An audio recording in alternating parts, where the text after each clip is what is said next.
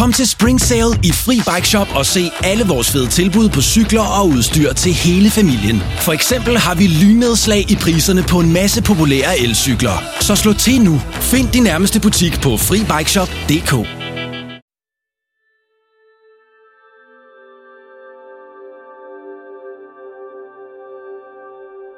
I overvis stod Mirandas campingvogn parkeret på en P-plads i Kolding. Det var både hendes hjem og hendes kontor. Det var her, at hun forudså fremtiden for sine betalende kunder. Miranda lagde tarotkort og brugte sin veludviklede 6. sans til at spå om fremtiden. Men hvis Miranda virkelig havde været god til at spå, havde hun nok set, hvad der lå i kortene for hende. En tidlig oktobermorgen i 1993 fandt politiet livet af den 44-årige Rudi Herzberg på gulvet i Mirandas campingvogn. Han var stukket otte gange. Det sidste og afgørende stik var plantet i hjertet. Han var blevet stukket med en helt almindelig køkkenkniv, som stadig lå på gerningsstedet. Og Rudi Herzberg var ikke hvem som helst. Han var Mirandas mand. Den 38-årige Miranda Herzberg blev hurtigt anholdt og sigtet for drabet på sin mand. En sag, der i 1995 endte for et nævningeting i Vestre Landsret. Men helt sensationelt bad anklageren de 12 nævninge om at være milde i deres dom over kvinden, der blev kendt som sandsigersken Miranda. Det her er historien om en kvindes kærlighed til to mænd.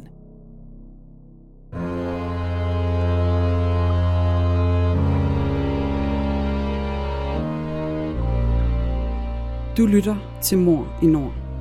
En podcastserie om nogle af de mest opsigtsvækkende drabsager fra Norden.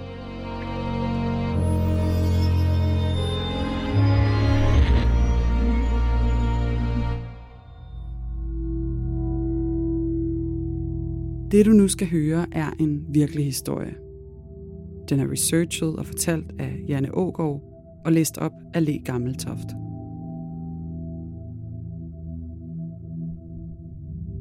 Det her er en genfortælling af sagens fakta, som de har været gengivet i andre medier. Nogle detaljer er udeladt, ligesom vi her afholder os fra at tage stilling. Det har retssystemet gjort. Men du skal være forberedt på, at det kan være voldsomt at lytte til.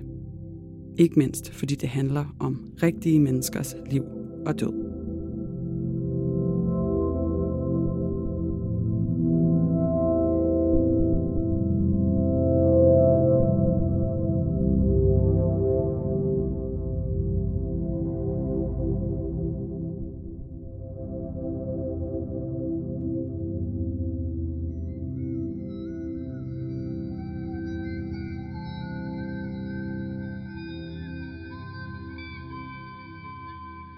Viola Maria Christoffersen blev født i juni 1956 på Fyn som det fjerde barn i en katolsk familie. Hendes mor blev kaldt Mama Miranda, og hun var en rejsende på livets landevej, det man kunne kalde en vagabund eller en landstryger. Viola rejste frivilligt med sin mor ud i landet. På tre år nåede hun at gå på 49 forskellige skoler, inden hun gik ud af skolen i 6. klasse. Viola blev oplært i at spå, og hun overtog med tiden sin mors kunstnernavn, Miranda. Som 16-årig mødte hun den jævnaldrende Roan. De blev gift samme år i 1973. De fik et hus i Vejen, en mindre by lidt uden for Kolding. De fik to børn i rap i de efterfølgende år, og en lille efternøler 10 år senere i 1983.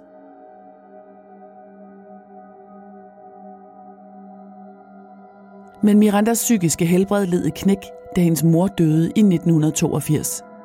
Kort tid efter omkom hendes far efter en voldsom trafikulykke, og senere døde en af hendes brødre af kræft.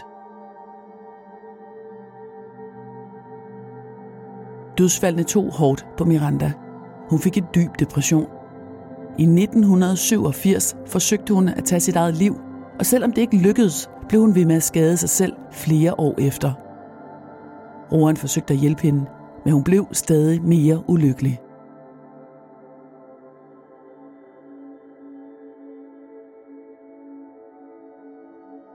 Da Miranda søgte skilsmisse fra Roan i begyndelsen af 1990, efter mange års samliv, var det ikke med Roans gode vilje, men papirerne blev underskrevet. Kort tid efter skilsmissen mødte Miranda Roans grandfætter, en ung fisker fra Esbjerg ved navn Rudi. De havde kendt hinanden siden de var børn, og Rudi havde længe haft et godt øje til Miranda.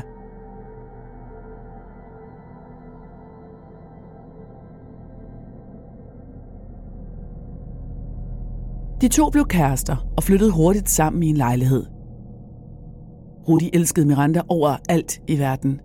Det var i hvert fald hendes egen forklaring på den tiltagende jalousi og fysiske vold, han begyndte at udsætte hende for. En nat vågnede hun ved, at Rudi kom fuld hjem efter en nat i byen og bankede hende.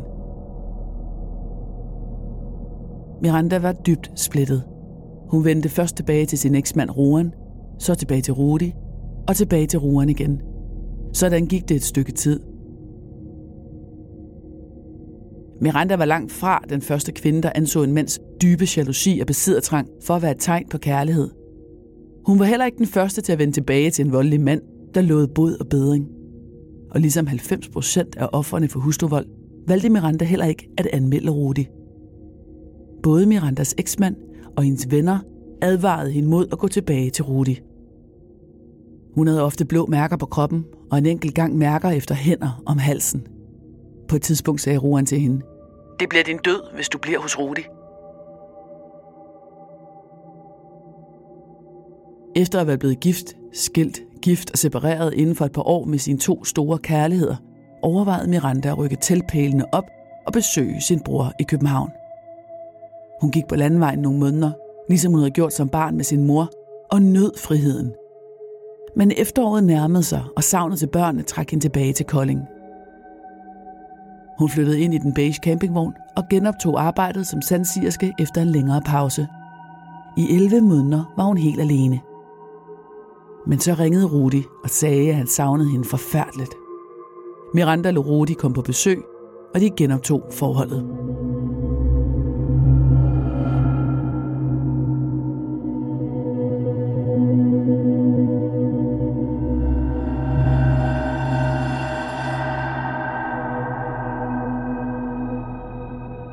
Hendes ældste datter Lolita boede hos parret i nogle få måneder, men en dag slog Rudi ud efter hende, da hun brugte en kniv i stedet for en pålægsmaskine til at skære pålæg ud med. Og så flyttede pigen hjem til sin far, Rohan. En af Mirandas gode veninder havde på fornemmelsen, at Miranda og Rudi var faldet tilbage i den samme rytme. Hun så, at Miranda havde brændemærker på brystet og en afbrækket tand. Og volden tog til. Indtil da havde Rudi mest været voldelig, når han var fuld, men nu begyndte han også at slå, når han var ædru. En morgen den 10. oktober 1994 fik Miranda et par lusinger af Rudi. Han sagde truende, Du ryger før mig, det ved du godt, inden han gik ud af døren. Og senere på aftenen kom han fuld hjem og gik på hovedet i seng. Miranda blev siddende oppe. Efter at have taget flere beroligende piller og drukket et par øl, sad hun som forstenet og stirrede på det lille fjernsyn i campingvognen. Hun tænkte på sine børn, og den spiral af vold og afhængighed, hun var fanget i med Rudi. Hun følte sig overvældet af en følelse af, at hun ikke kunne klare mere. Hun gik hen til køkkenskabet for at finde noget mad, men inde i skabet så hun køkkenkniven.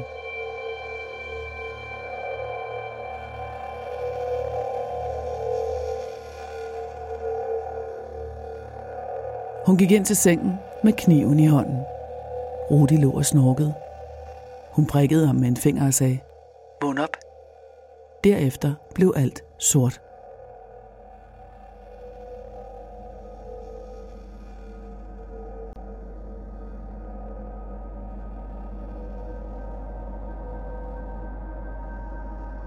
Da Miranda kom til sig selv, lå Rudi på gulvet i en blodpøl. Han havde stik på brystet, i nakken, på hænder og på arme. Tydelige afværgelationer – Det var midt om natten, og hun havde ingen erindring om, hvad der var sket, eller hvor lang tid der var gået. Miranda var i chok. Men hun formåede at tage Rudis bilnøgler og hente hans mobiltelefon ude i bilen. Hun ringede og vækkede sin eksmand og spurgte, hvad hun skulle gøre. Hun var usammenhængende, men Roren fandt hurtigt ud af, at der var sket noget forfærdeligt, og han tøvede ikke med at ringe til politiet.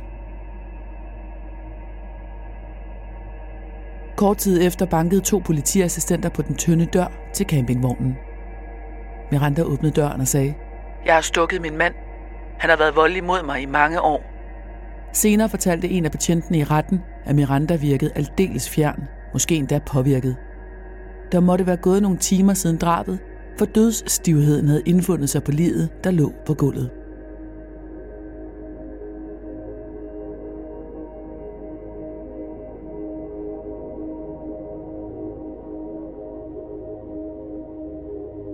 Få timer senere blev Miranda fremsat i grundlovsforhør i retten i Kolding.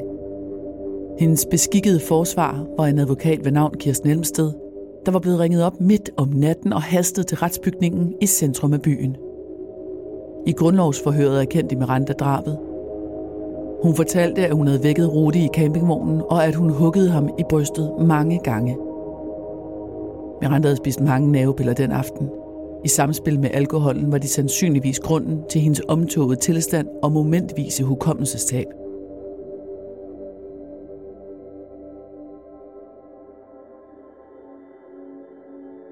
Sagen kom for retten året efter i september 1995. Her rejste statsanklageren i Sønderborg tiltale for drab på den nu 38-årige Miranda Maria Hertzberg. Et foto af Miranda blev bragt i aviserne.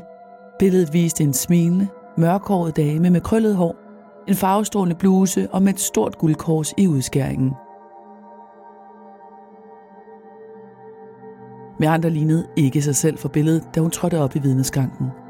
Hun så mindst 10 år ældre ud end sine 38 år. Med nedslået blik forklarede hun om sin store skam over at have taget Rudis liv. Hun erkendte at have begået grov vold med døden til følge, mens hendes nye forsvar Bent Nielsen opfordrede nævningerne til at give hende straffrihed. Straffrihed kan ifølge den danske straffelov gives i to tilfælde, der på fagsprog kaldes subjektive straffrihedsgrunde og objektive straffrihedsgrunde. De subjektive straffrihedsgrunde bruges for eksempel, hvis gerningsmanden er under 15 år, eller hvis gerningsmanden har været utilregnelig på gerningstidspunktet. Det er blandt andet derfor, anklagemyndigheden eller forsvaren beder retslægerådet om at foretage en personundersøgelse og forelægger en mentalerklæring i retten –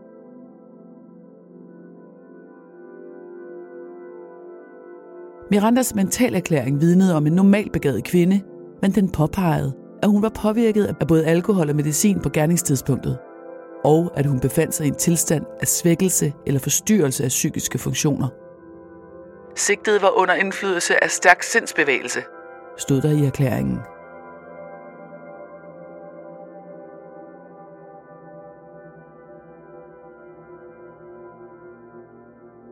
Anderledes hårdhændet var retslægerådet, der beskrev Miranda som lidende af karakterafvielse og hysteri. Hun blev beskrevet som umoden, restløs og impulsiv og følelsesmæssigt afhængig. Rådet anbefalede straf som den eneste sanktion.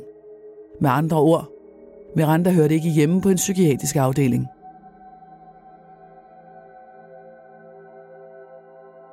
Objektive straffrihedsgrunde er omstændigheder ved selve forbrydelsen – det kan være, at man har handlet i nødværve, eller at der har været samtykke til forbrydelsen, altså hvis offeret direkte har bedt om det. Det kan for eksempel være i sager om medlidenhedsdrab på et kronisk sygt og døende menneske. Vidne efter vidne bekræftede den årelange og systematiske vold, Miranda var blevet udsat for af Rudi. De kunne fortælle om utallige fortvivlede samtaler med Miranda, hvor hun havde fortalt, at Rudi havde troet hende på livet – Samtidig gik anklagerne efter at påvise, at Miranda havde haft mange muligheder for at forlade Rudi, og at hendes eksmand og gode venner stod klar med åbne arme. Men Rudis forunderlige magt over Miranda fik hende til at blive. Hun forklarede, at hun frygtede for sit liv og ikke turde stikke af.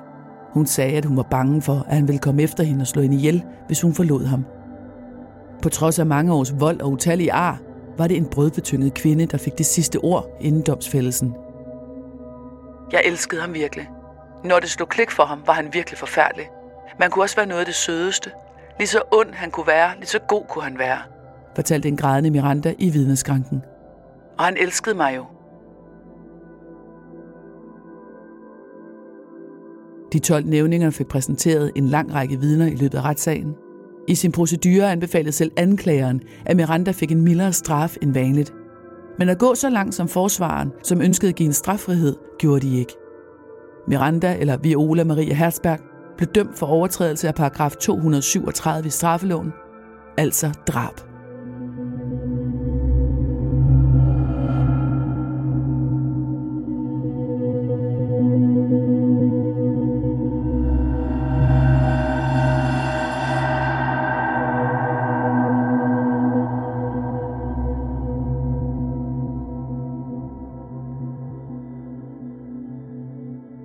Af nævningerne ønskede at give hende fire års fængsel, men med et flertal af stemmerne fordelt på 12 nævninger og tre kvindelige dommer, fik Miranda 6 års fængsel, ganske som statsadvokat Preben Alsø havde bedt om. Retten har ved strafudmålingen lagt vægt på de meget specielle forhold i tiltalte og afdødes samliv, som der stod i domsbogen for dommen den 7. september 1995.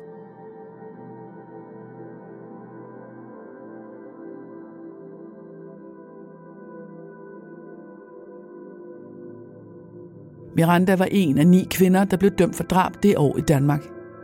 Hvert år begår mellem 2 og 10 kvinder drab herhjemme, men kun ganske få tilkendt straffrihed. Til sammenligning er der mellem 30 til 70 mænd, der slår ihjel årligt. Da Miranda allerede siddet varetægtsfængslet i over et år, kunne hun fire år senere i 1998 forlade fængslet som en fri kvinde, efter at have udstået to tredjedel af straffen. Hun genoptog sit arbejde som sandsigerske og rejste land og rige rundt i campingvognen. Ofte var der billeder i lokale ugeaviser af den smilende kvinde, der stod i døren i sin campingvogn.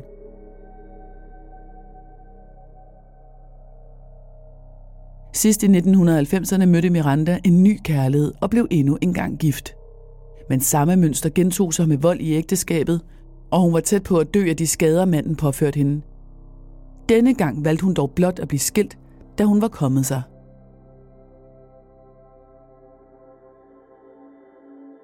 I et interview i Fyns Amtsavis i 2003 fortalte Miranda, der nu gik under navnet Miranda, sandsigersken for Odense, om sin glæde ved at være sammen med sine tre børn og tre børnebørn. Jeg vil dø i min vogn, sagde Miranda dengang til avisen og opfordrede alle sine kunder og journalisten til at leve livet fuldt ud. Slip dig selv løs. Lev for dagen i dag. Dans Lambarda.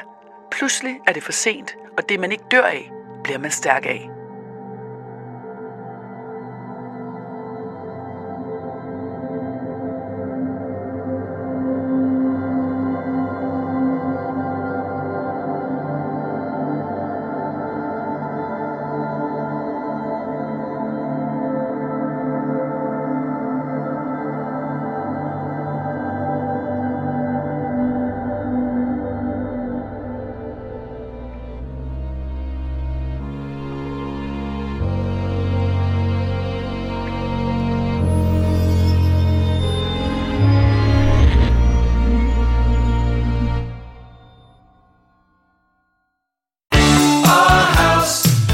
Bauhaus får du nye tilbud hver uge. Så uanset om du skal renovere, reparere eller friske boligen op, har vi altid et godt tilbud. Og husk, vi matcher laveste pris hos konkurrerende byggemarkeder. Også discount byggemarkeder. Bauhaus. Altid meget mere at komme efter.